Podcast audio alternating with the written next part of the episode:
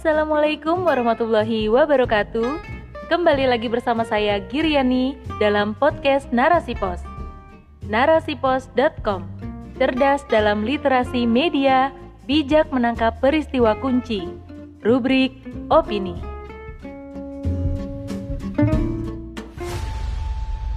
Manipulasi data demi sebuah pencitraan oleh Ukinai. Awal Juni 2021, lonjakan kasus terpapar COVID-19 hingga dikabarkan meninggal begitu mengejutkan. Namun pertengahan Juli, beritanya tak lagi santer. Usut punya usut, data harian kasus COVID-19 yang diinformasikan ke tengah masyarakat bukanlah data yang sebenarnya. Hal ini sontak menuai reaksi dari beberapa pakar epidemiolog dan pemantau COVID-19. Dikutip dari laman koran.tempo.co, berbagai kalangan, termasuk epidemiolog dan pemantau pandemi, menduga pemerintah telah mengurangi jumlah pengetesan, sehingga angka harian COVID-19 seakan menurun. Menurut pakar epidemiologi Universitas Indonesia, Tri Yunis Miko, mengatakan ada sejumlah pemerintah daerah yang mencoba menyembunyikan kasus kematian akibat terinfeksi corona. Padahal, cara ini tak akan bisa menutupi rasio kasus positif dan tingkat kematian harian yang masih tinggi. Begitu pula inisiator Lembaga Pemantau Wabah, Irma Hidayana, telah sering meminta pemerintah untuk lebih jujur dalam urusan data COVID-19 Pihaknya, melalui lapor COVID-19, berulang kali mengingatkan pemerintah perihal pentingnya transparansi data sejak pandemi muncul pada Maret tahun lalu. Penuntasan wabah hingga berkurangnya jumlah kasus positif adalah tanggung jawab pemerintah untuk segera merealisasikannya. Sebab, sejauh ini program nyata yang dilakukan hanya berkutat pada kebijakan parsial dengan melindungi kepentingan pengusaha melalui produktivitas di sektor ekonomi non-real, bukan melindungi nyawa rakyat. Pemerintah enggan menggelontorkan dana secara maksimal untuk kebutuhan warganya, meski dalam kondisi PPKM atau isoman sekalipun. Sikap ini memang tak asing dijumpai dalam era kapitalisme. Hubungan negara dan rakyat hanyalah hubungan transaksional belaka rakyat dianggap tak memberi keuntungan secara materi jika negara mengeluarkan dana yang besar untuk mereka. Berbeda halnya ketika pengusaha dan pemodal butuh kucuran dana. Deal-deal politik begitu mudah berjalan tanpa embel-embel berbelit karena syarat laba dan konsep simbiosis mutualisme. Tak heran pula jika pada akhirnya kegagalan menangani wabah harus ditutupi dengan cara tak terpuji semisal manipulasi data atau pengalihan isu. Indonesia seharusnya berkaca pada negara lain di luar sana.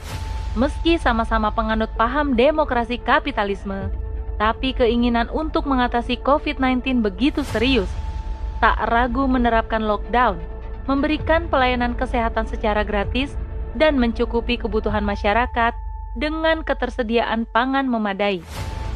Alhasil, ada beberapa negara berhasil menekan laju kasus positif, bahkan ada pula yang hingga kini diberitakan nol positif, seperti Korea Utara, Kiribati, dan Turkmenistan.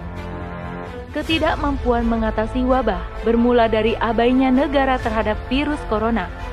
Banyak pejabat bersikap meremehkan dan mengatakan jika virus tak akan masuk ke Indonesia, lalu membiarkan warga dari sumber virus berasal melenggang masuk dibukanya akses wisata, fasilitas kesehatan tak memadai, protokol kesehatan tak tersosialisasi, akhirnya COVID-19 menumbangkan satu persatu penduduk Indonesia hingga kolapsnya rumah sakit, terpuruknya perekonomian, karut-marut dunia pendidikan, PHK massal, meningkatnya kasus kriminal, dana bansos salah sasaran, bahkan dikorupsi.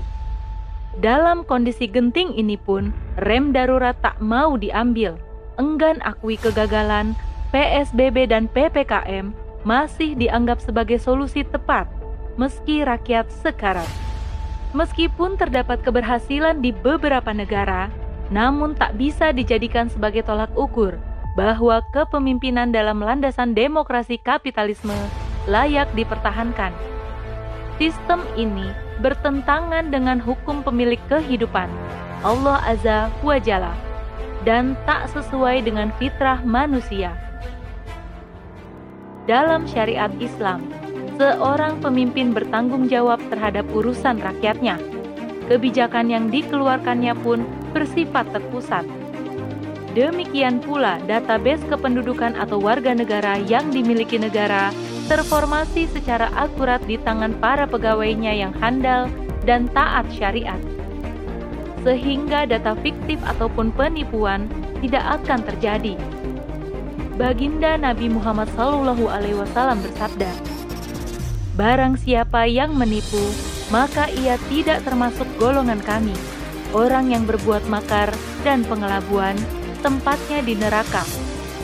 Hadis riwayat Ibnu Hibban pemimpin negara bersama kepala daerah akan bahu-membahu mewujudkan kenyamanan masyarakat sesuai aturan syarat, menetapkan lockdown syari untuk kondisi wabah, memastikan stok pangan memadai, logistik dan sarana kesehatan tersedia, dan penyaluran langsung bantuan individu per individu masyarakat secara cepat dan tepat.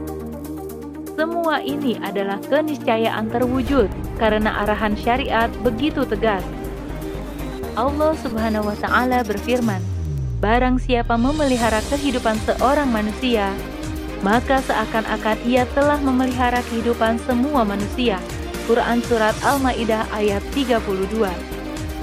Pemimpin dalam Islam tak akan ragu meminta maaf dan tak malu dikritisi jika pelayanannya salah dan menyimpang ruang amar ma'ruf nahi mungkar sedemikian lebar, hingga kesalahan kecil pun mudah segera terdeteksi.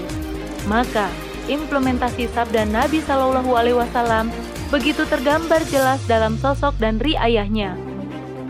Al-Imam adalah roin atau pengurus dan ia bertanggung jawab atas apa yang menjadi tanggungannya atau rakyat. Hadis riwayat Al-Bukhari. Demikianlah urgensitas adanya pemimpin dan institusi penerap syariat.